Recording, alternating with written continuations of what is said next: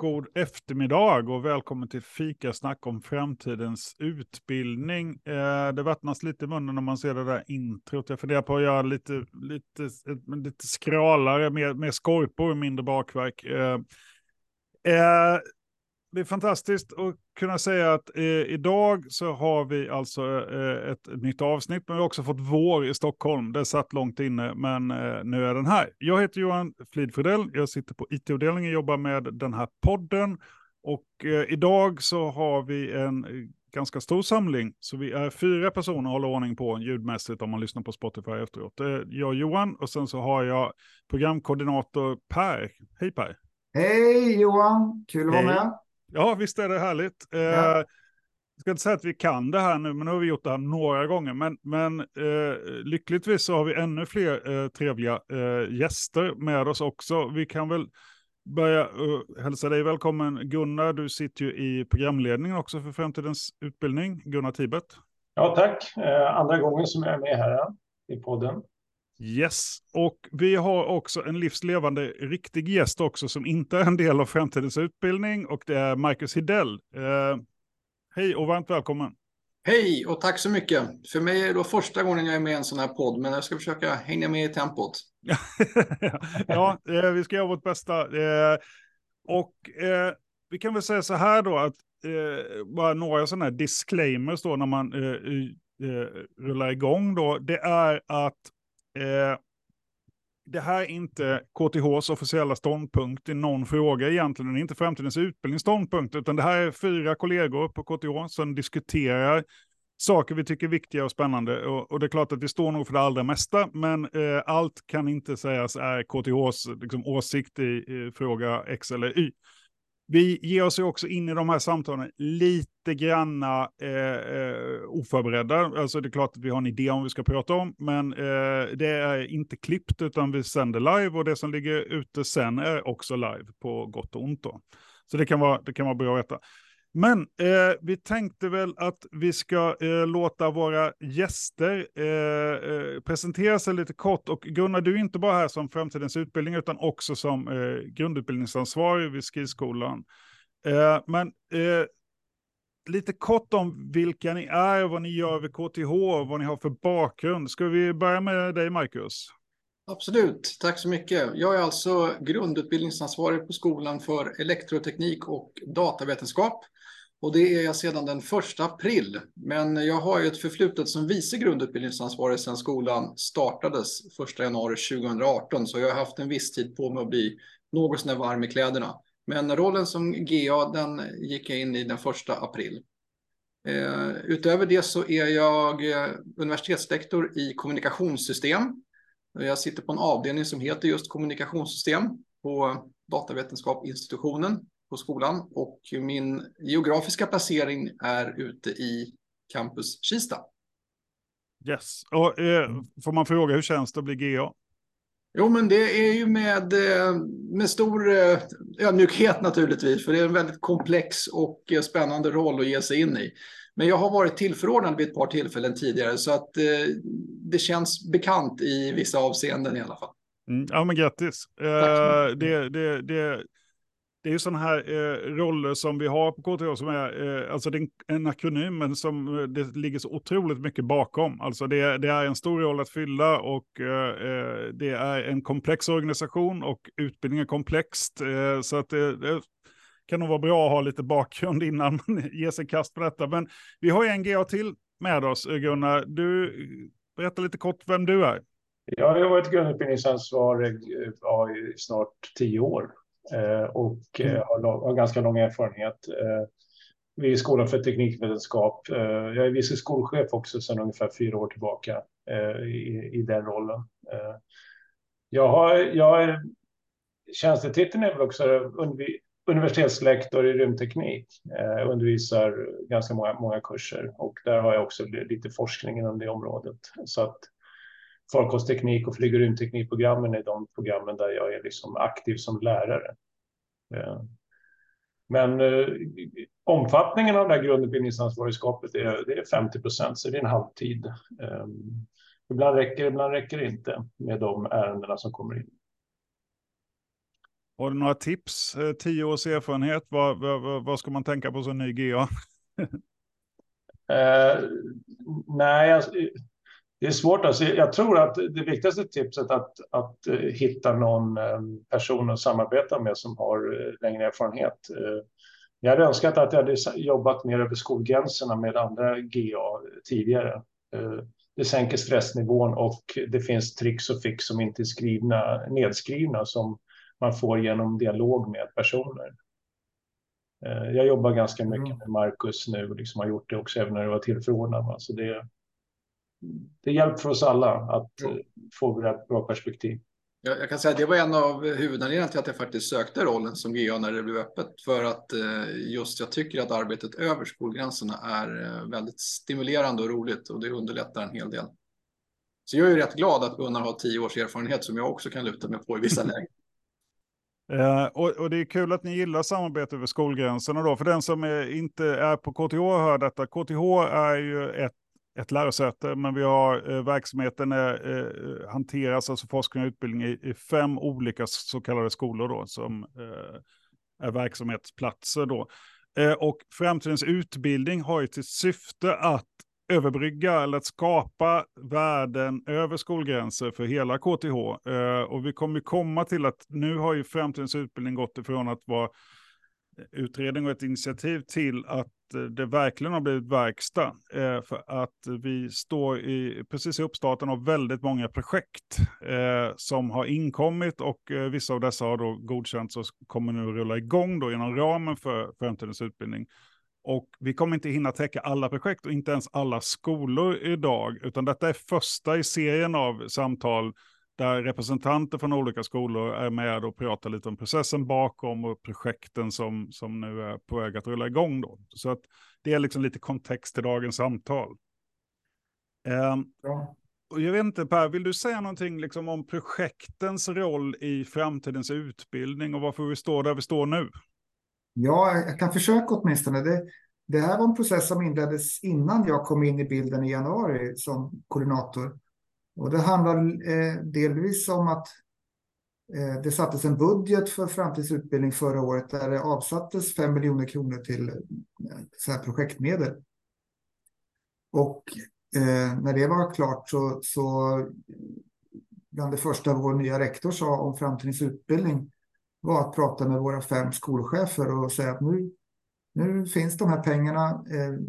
Jag vill att ni ska iterera fram eller ta fram ett antal utvecklingsprojekt som är angelägna för, för era skolor och ja, inom ramen för utbildning. Då. Och att eh, det är projekt som ni ska också finansiera med pengar från er skola. Och där sattes en, en process igång då under år, början på året att på respektive skola på olika sätt som jag tror vi kommer få höra senare här eh, arbeta fram. Men vad är mest angeläget? Eller också kan man säga angeläget men också möjligt att sätta igång under året. För det var ett villkor att ja. vi har ju ettårsbudget här.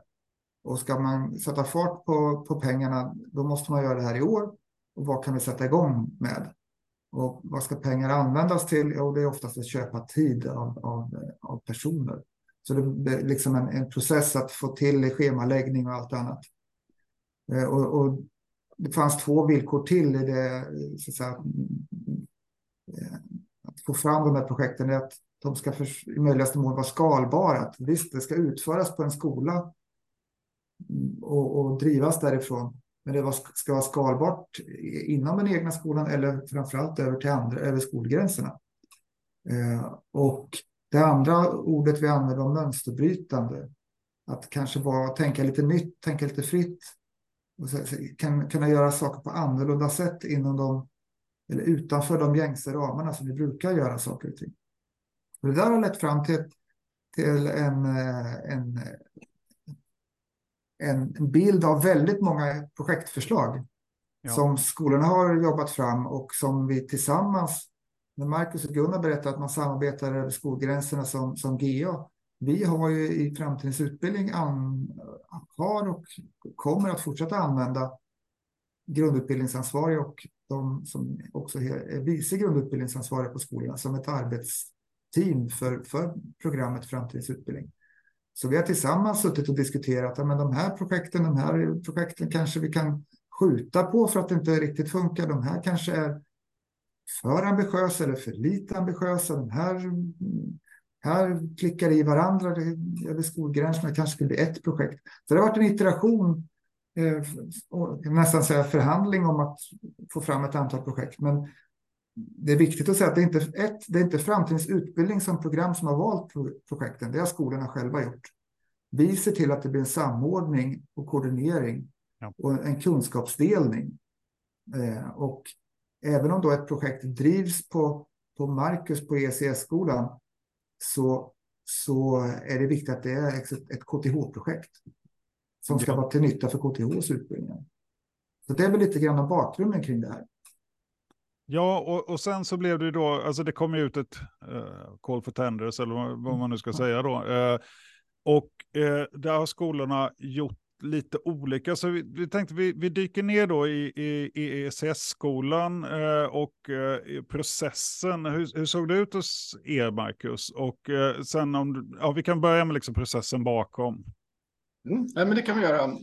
Processen har ju inte varit en, en väldigt eh, på förhand systematisk formulerad process, eh, utan det här var ju mer en eh, dialog som vi hade dels med eh, våran skolchef och GA och vice GA Eh, Eh, men även eh, dialoger med våra programansvariga och med våra studierektorer. Vi eh, hittade aldrig riktigt tillfälle eller tid att gå ut med en bred utlysning på skolan och en procedur för att granska förslag och välja ut, utan vi valde i rätt stor utsträckning att lyfta aktiviteter som vi ändå hade på gång eller som vi kanske har initierat men skulle behöva en hävstång att för att komma igång och just framtidens utbildning skulle då kunna vara en sådan hävstång för, för vissa aktiviteter.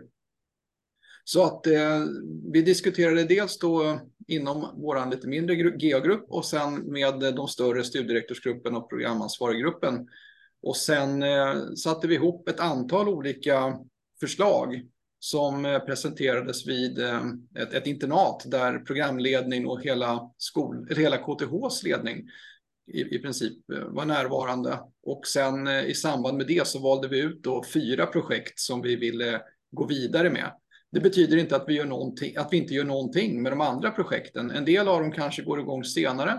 Andra eh, har vi hittat andra finansieringsformer för och de kanske, som kanske var mer lämpliga än att profilera det just som ett renodlat FRU-projekt. Ja. ja. Hur såg det ut på, på skiskolan, Gunnar? Det var en ganska snarlik eh, process faktiskt. För vi, jag pratade med mina grundutbildningsansvariga och sen även med, med så att säga, ledningsgruppen på skolan om att just dialogformen, att gå ut och möta dem. Och vi, vi begränsade den här diskussionen då till studierektorer och programansvariga. Jag har ju ganska god kännedom, Vi har ju ganska god kännedom om vilka tankar som har förts och vilka aktuella ärenden som faktiskt skulle kunna skalas upp till en, och bli, bli ett projekt. Vi fick in kanske ett 20-tal projekt eh, och eh, sen den sorteringen som vi gjorde då och som vi bollade med prefekterna och skolans ledningsgrupp byggde lite grann dels på den här skalbarheten och mönsterbrytandet men också att vi ville få en bred palett över skolans tre områden, matematik, fysik och teknisk mekanik. Det var väldigt viktigt i den här dialogen att ingen skulle känna sig utesluten och exkluderad. Eh, men samtidigt så låg ju den här, det som Per var inne på, den här bemanningsbiten, det skulle komma igång här nu. Mm. Så vi fick inte ta oss vatten över huvudet. Va? Det, fanns, det finns ju mycket mer vi vill göra än vad som faktiskt är praktiskt möjligt. Och den där balansen kan vara lite så här frustrerande. Eh, men vi har ju haft en process där vi har liksom delvis återkopplat de andra projekten och de är inte bortglömda på något sätt. Men mm. det är det här vi mäktar med nu och den kommunikationen tror jag är väldigt viktig. Att eh, alla är med i, i framtidens utbildning. Nu råkar de här ligga liksom först i kön. Ja. Det finns väl en sak till att lägga till där att, att från framtidens utbildningshåll så hoppas vi att det här inte är enda gången det, det, det går en sån här runda och få fram utvecklingsprojekt. Det är, det är ett sätt, det är en förändringsresa att att sätta igång ett antal sådana piloter eller utvecklingsprojekt eller probes, vad man nu kallar det, och dra lärdom av dem. Både av de som lyckas och kanske ännu mer kanske av de som eventuellt misslyckas för att förstå varför funkar inte det trots att det var en bra idé. Mm. Och, vi, och, kan vi bara visa att, att det här eh, är en modell som funkar så hoppas vi att vi får minst lika mycket pengar till fortsatt utveckling, fortsatt utvecklingsprojekt. Och då får vi hitta möjligtvis en, en förfinad process för att vaska fram de projekten. Men det, mm. För det är inte så att det saknas idéer. Det är precis som Gunnar säger, det saknas, och Marcus också, det saknas inte idéer. Några är, många kanske på annan, med en annan tidshorisont bara. Mm. Och då lämpar de sig inte just nu. Lägga till också i sammanhanget det här eventet då som Marcus beskrev när vi samlades då, ledningsgruppen. Jag menar, det finns ju regelbundna temamöten där, inte hela den här konstellationen med skolcheferna, men, men, men kärn, om man ska kalla det kärntruppen eller de här som har varit involverade att ta fram projekten samlas med regelbundenhet och håller det här liksom samarbetsförmågan vid liv. Eh, för att just i syfte, så som jag upplever det, att stötta varandra i det här och fortsätta identifiera likheter och möjligheter till samarbete. Ja. Det är viktigt, det är bra. Jag kan, kan, bara hålla med om det. Jag tycker också att den, de temamötena som du beskriver har varit väldigt värdefulla just för att man får ihop inte bara GA på våra fem skolor utan samtliga vice GA. Så det är liksom en gruppering på i stort sett ytterligare tio personer. Så då, då är vi ju rätt många som har en möjlighet att ha fruktsamma dialoger över skolgränserna, hitta nya idéer och, och mm. olika typer av synergier med nya projekt. Så det, det, där har varit väldigt eh, värdefullt, det tycker jag.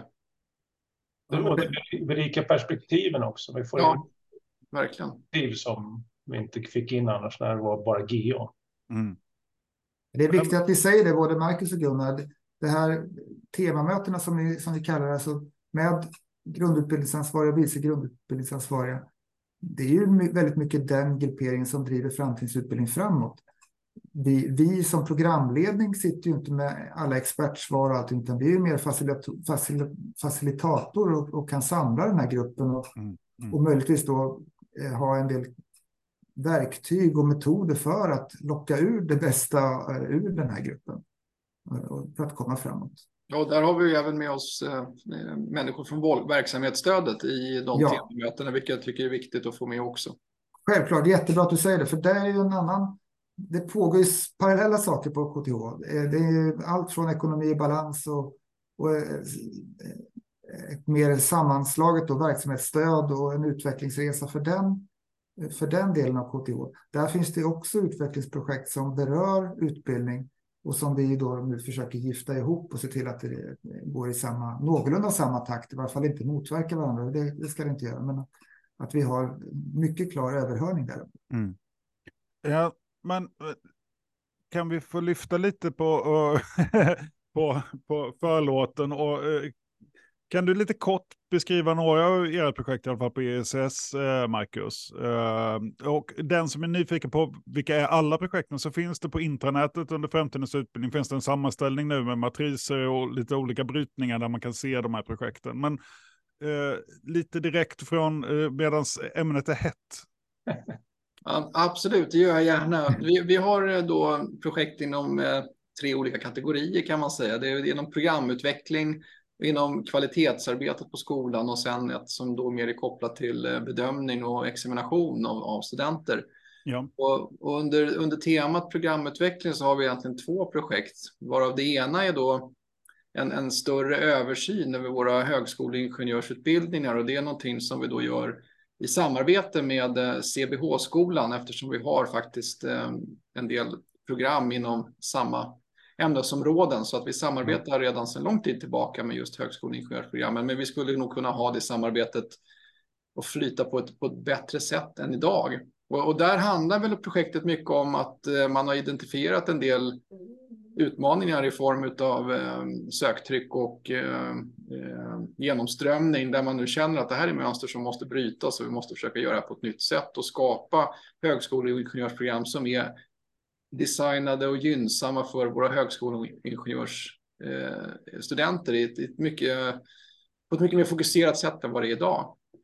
Det andra programutvecklingsprojektet är nästan helt annorlunda. Det är ett nytt masterprogram inom hållbar digitalisering. Och eh, det kommer väl vara mönsterbrytande i det avseendet att eh, man har möjlighet att designa det här programmet från scratch nu på ett helt nytt sätt och ha väldigt mycket fokus på omedgörliga problem. Och även mm. där så har vi eh, samarbete med ABE-skolan som är väldigt duktiga på hållbarhetsaspekter medan de som arbetar med programmet från vår sida och utvecklar det, de är då experter på den ämnesmässiga delen med, med hållbarhet kopplat till till datavetenskap och elektroteknik eller kanske mer specifikt inom ICT-området. Så det är två helt olika projekt kan man säga inom programutveckling. Och, och de andra två är eh, dels ett som handlar mer om att eh, implementera lärarlag och eh, team av vad vi kallar för critical friends eller kritiska vänner. Det kan ju ha en viss Eh, skräckenjagande klang. Man ska nog se det som konstruktiva vänner då som ska kunna hjälpa till både vid utveckling av utbildning och när det uppstår problem och när man vill stöta och blöta frågor med sådana som är erfarna utbildningsutvecklare. Det är någonting vi skulle vilja få på plats så att det fungerar mer systematiskt och att det flyter liksom lite av sig själv och gärna ihop med, med, med lärarlag inom olika områden. Så att eh, det, det är eh, ytterligare ett projekt som vi vill inte starta från scratch, men det har inte riktigt fått ordentlig fart och blivit systematiserat på ett sätt som gör att det flyter naturligt på skolan. Och eh, det sista projektet är, är mer, mer eh, specifikt och handlar just om eh, mångfald i examination och se till att studenter på våra program exponeras för eh, olika typer av examinationsformer under utbildningsgång och att de ligger i linje med vad man kan tänkas mötas ute i arbetslivet efter man kommer iväg från KTH. Jättespännande. Ja, och rejäl bredd alltså. Ja. Eh, och, eh, spännande. Mm. Gunnar, det skulle vara kul att få lite, motsvarande kort preview på vad som händer på Ski. Ja, vi har, vi har valt ut sex stycken projekt, men jag skulle vilja fokusera i den här presentationen kanske på tre av dem. Vi, har, vi kommer börja titta på ombyggnad, om kallar det så, ny ombyggnad av ett civilingenjörsprogram, folkvårdsteknik. Det var ett av de programmen som var med och ledde CDIO-arbetet, eh, Conceive, Design, Implement, Operate då, i början på 2000-talet då, tillsammans med andra lärosäten. Det har varit ett program där vi har experimenterat ganska mycket under åren, men nu eftersom transportsektorn är väldigt mycket i fokus när det gäller liksom det hållbara samhället så känner vi att vi behöver ta liksom ett, ett, ett omtag och analysera hur, ett, hur skulle det programmet ha sett ut om vi hade utformat det idag. Eh, Eh, och, och, där tror jag att det finns, det finns en väldigt engagemang från lärarkåren kopplat till, till det programmet och det finns goda förutsättningar och det, det är ganska spännande. Det finns motsvarande utvecklingsprojekt på andra lärosäten utomlands också som, som har varit väldigt inspirerande att titta på. Sen kopplat till det här som vi, eftersom vi nämnde verksamhetsstödet här då, så har vi genomfört en pilot då när det gäller granskningen av ansök, externa sökande till våra mastersprogram för de mest populära programmen kan det här vara ett ganska omfattande och tungt manuellt arbete för programansvariga. Mm. Och eh, på det sättet som vi gör de här bedömningarna, hur, hur gör man en, en rättvis bedömning av personer som kommer från alla möjliga universitet, eh, massa olika bakgrunder. Så där har vi jobbat ganska, vi har börjat jobba ganska datadrivet att försöka stå vilka, vilka faktorer som predikterar studieframgång på KTH och hur väger man dem ihop. Och där har vi jobbat nära verksamhetsstödet, så där ser vi att vår erfarenhet där och den tidsbesparingen som faktiskt har åstadkommit för PA med vad vi tror också bibehållen kvalitet. Den tror vi vill, den går att skala upp inom KTH för att skapa då en mycket drägligare arbetssituation för programansvariga, men samtidigt inte börja tumma på kvaliteten. Sen ett annat projekt som löper under sko över skolgränserna är det som det är en specifik förmåga som heter friläggningsförmåga som man behöver inom mekanikområdet då, när man, frilägg, man, man tar fram inre och yttre krafter på ett system för att kunna så att säga, lösa det matematiskt, mekaniskt. Där har det visat sig i en senare kurs att en tidigare kurs kanske kan stärka e-, examinationen. Eh, då, och då har vi liksom tänkt så här, men ska vi inte se till att vi gör en, en bra progression från den första kursen där det här introduceras till den sista kursen när det används. Så där har vi då kontakt både med ABS-skolan och ITM-skolan med de fortsättningskurserna. Hur, hur ska den här kedjan se ut? Och där har vi också kontakt med ITM-lärande så att det här beforskas. Och vi har redan haft en presentation av en tidigare doktorand på ITM-lärande som berättar om spatial förmåga som en förklaring varför vissa studenter kan ha svårt med det här. Så att mm. vi vill att det ska bottna i forskning och inte bara liksom titta på hur vi ska lösa det här, vi som, vi som är involverade. Och det hade inte hänt alls utan liksom den här framtidens utbildningskoordineringsparaplyet här, den här bredden. Jättespännande. Det, på tal om bredd. Ja, ja det, verkligen. Det, ja, ja, jätteintressant. Uh, ja, men det är gott att höra eh, och det, detta är ju bara ett axplock av, allt, eh, av alla projekt i totalen. Då. Eh, jag, jag gillar att jobba på KTH, det gör vi nog allihop. Men det är också, man, man slås alltid av hur mycket kreativitet och mycket liksom, drivkraft som finns. Men också kluriga tänk. Vid något möte så var det någon, jag kommer inte ihåg exakt vem, som resonerade kring skalbarhet. Alltså, när något ska vara skalbart, antingen kan man tänka sig att det ska gå liksom, istället för att tio gör det ska tusen göra det. Eller så ska man kunna göra det för tio fast vid flera tillfällen. Eh, alltså så skalbarhet kan vara många saker och mm. det som är ett skalbart projekt innebär inte att alla kan göra det, men att man kan repetera det till exempel, göra liksom parallella instanser av, av någonting. Så det, det, det är spännande både liksom hur vi ser på de här utvecklingssatsningarna men också innehållet i dem. Eh, Eh, Eh, och eh, tiden går väldigt fort när man har roligt. Eh, och eh, jätte, tack för att ni delar med er och liksom i snabbformat, liksom så här, elevator pitch, eh, beskriver de här projekten. Det är ju snart en stor träff. Eh, där kommer ju eh, framtidens utbildning finnas på plats och där finns ju också beskrivningar i A3-format på de projekten som finns och där kan man ju också liksom vända sig till de som som kommer liksom göra görandet i de här projekten också. Jag tänkte se, är det något ni vill avsluta med så här innan vi rundar av? För att eh, som sagt, vi, vi snart bränt en halvtimme här, det går väldigt fort. Jag kan väl bara skriva under på det du skriver om skalbarhet och kanske ytterligare en dimension i det där är att man kan skala delar av projekt. Att idéer mm. som kommer fram till exempel i utvecklingen av det här nya masterprogrammet kan man lyfta till en massa andra program. Det är också en form av skalbarhet så att vissa idéer inom de här projekten kan eh, spridas. Det, det är ytterligare ett exempel på skalbarhet bara. Ja, jättebra. Jag tror det var dig jag snodde det från Gunnar för övrigt. Eh, jag är inte säker, men ja, någon var det som klurade kring skalbarhet och att det inte alltid är så enkelt som, eller det behöver inte vara så begränsat som vi ibland tänker oss. Eh, att det behöver inte vara lika för alla bara för att det ska vara skalbart. Jag tror att eh. vi, vi ser på det på väldigt olika sätt och, och läser in olika saker i det begreppet. Mm. Jag tror det är nyttigt att vi vågar resonera även kring sånt. Tusen tack för att ni tog er tid. Ni har rätt mycket annat på era, era bord. Så att eh, det, var, det var schysst att ni kunde podda med mig och Per. Eh, per, har du någonting? Eh, vi, ser, vi kommer ju finnas på, på storträffen som sagt. Eh, storträffen är ett bra tillfälle. Vi kommer, det finns ju också fortfarande medskapande kampanj kring de här 13 principerna där man vill vill man utveckla, ge förslag och ge alternativa förslag på hur man ska tolka de här principerna så går det alldeles utmärkt och bidra till den fortfarande. Vi börjar med den på Sottel-konferensen här i, i, februari. Var det, Just det. På mars. Ja, jag... den, den, kommer finnas kvar på, på storträffen också.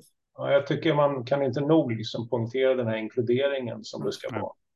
Eh, att vi, vi, vi är inte någon, någon grupp här som, som, som driver det här liksom ensam. Vi försöker koordinera så, så gott vi kan, va? utan det, det kommer mycket från alla möjliga håll, alla idéer är värda mm. att förädla ja. och, och, diskuteras. Och...